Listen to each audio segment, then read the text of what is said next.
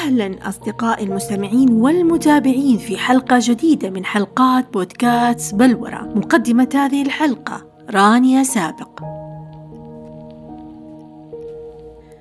لا أحد يريد أن يخرج من منطقة الراحة الخاصة به إلا أن الحياة مليئة بالظروف الصعبة والمتغيرات المستمرة. واعتماد منهج قائم على التعلم وممارسة سلوكيات ونشاطات جديدة يعطينا الكثير من الطاقة والرغبة في إنجاز الذي يقودنا إلى الإبداع. اذا نحن بحاجة إلى التغيير الإيجابي الذي يزيد من فرص النجاح في الحياة والوصول إلى الأحلام. لكن هذا التغيير ليس من الأمور السهلة بل العكس تماما هو صعب وعملية شاقة. تحتاج إلى عمل ودعم مستمر.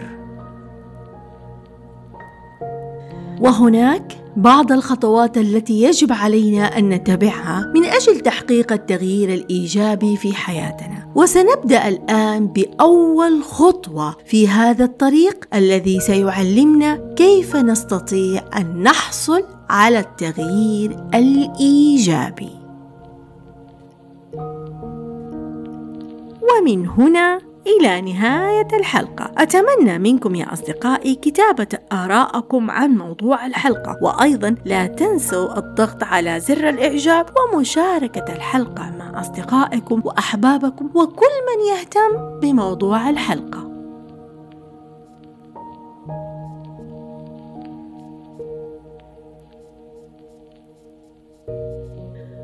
يساهم التغيير الإيجابي في جعل حياتنا أكثر حيوية وحماس. بغض النظر عما إذا كان هذا التغيير في الأفكار أم في الحياة أم غير هذا. وفي المقابل انعدام التغيير بمعنى التوقف عن الشعور بالحماس والإنجاز وأيضا التوقف عن النمو والتطور في جميع مستويات الحياة.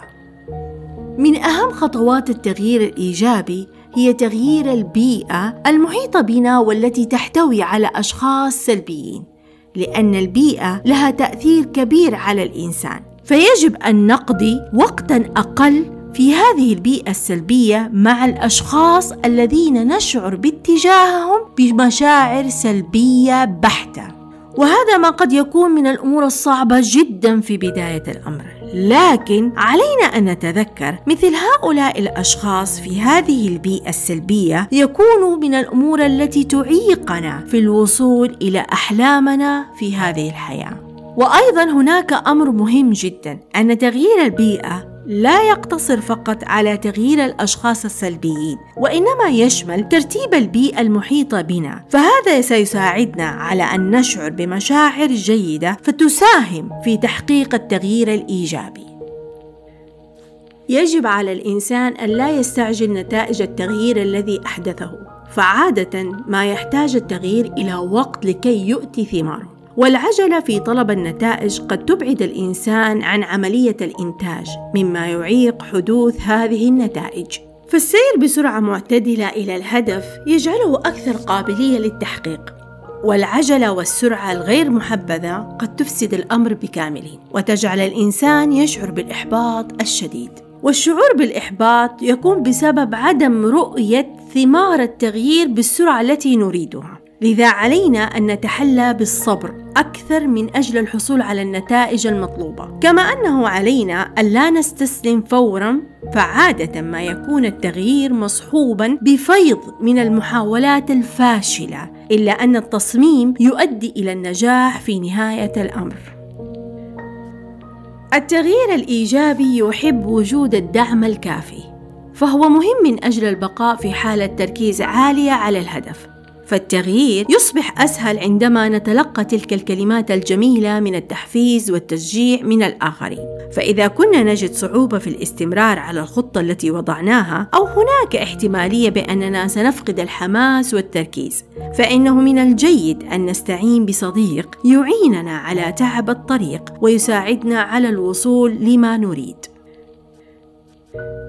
يجب علينا أن لا نرهق أنفسنا بكثرة التغييرات في آن واحد لأنه من الممكن أن يصيبنا الفتور وعندها سنتخلى عن تحقيق الأحلام التي نسعى إليها. وأيضا يسبب لنا القلق والتوتر ويصعب خطواتنا في بعض الأحيان. فمن الأفضل تقسيم الأهداف إلى أقسام صغيرة نستطيع من خلالها الإنجاز ويكون ذلك بشكل سلس. عندما نشعر بأن تقدمنا في الحياة بطيء جدا أو أننا لن نتقدم مطلقا فمن المهم جدا أن نقوم بإجراء التغيير اللازم.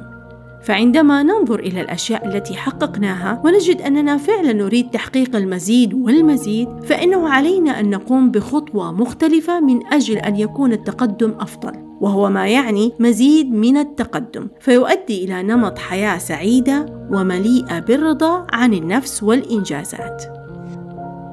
إذا التغيير الإيجابي مفتاح لخوض المزيد من التجارب في الحياة والحصول على فرص أكثر. فالفرص الجديدة والتجارب الاستثنائية تعتبر مهمة جدا للإنسان ليضمن التقدم المستمر. فعلينا أن نعرف مدى ملائمة هذه الفرص للتجربة الشخصية. ومع مرور الوقت سيكون لدينا القدرة على اختيار الفرصة والتجارب التي تناسب ما نقوم به في الحياة. لتحسين حياتنا دون أن نقوم بالمخاطرة الغير محسوبة. التغيير الإيجابي في حياتنا مهم جدا من أجل زيادة تركيزنا على أحلامنا التي نريد تحقيقها في هذه الحياة.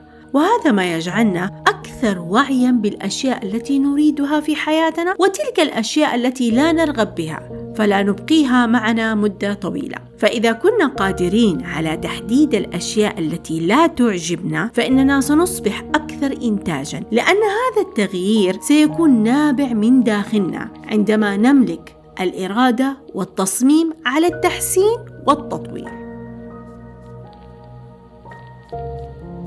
من الأقوال الجميلة التي تعبر عن التغيير الإيجابي والتي تقول لا تستطيع وضع رجلك في نفس الماء النهر مرتين فإن الماء يتغير كما أنت تتغير هذا يكون في مصطلح التغيير الإيجابي الذي يقول أننا نتعلم كيفية التعامل مع التحديات والمصاعب في هذه الحياة والتغلب عليها، وأيضا قدرتنا على التكيف مع المواقف الجديدة والمتغيرة مما يصقل شخصيتنا ويجعلنا أكثر مرونة. فالتغيير يعني أن تختلف الحياة بين فترة وفترة مما يجعلنا بعيدين عن الملل الذي يصيبنا بالخيبة. وبمعنى آخر أن نبقى على مواكبة مجريات الحياة وتطوراتها التي لا تتوقف.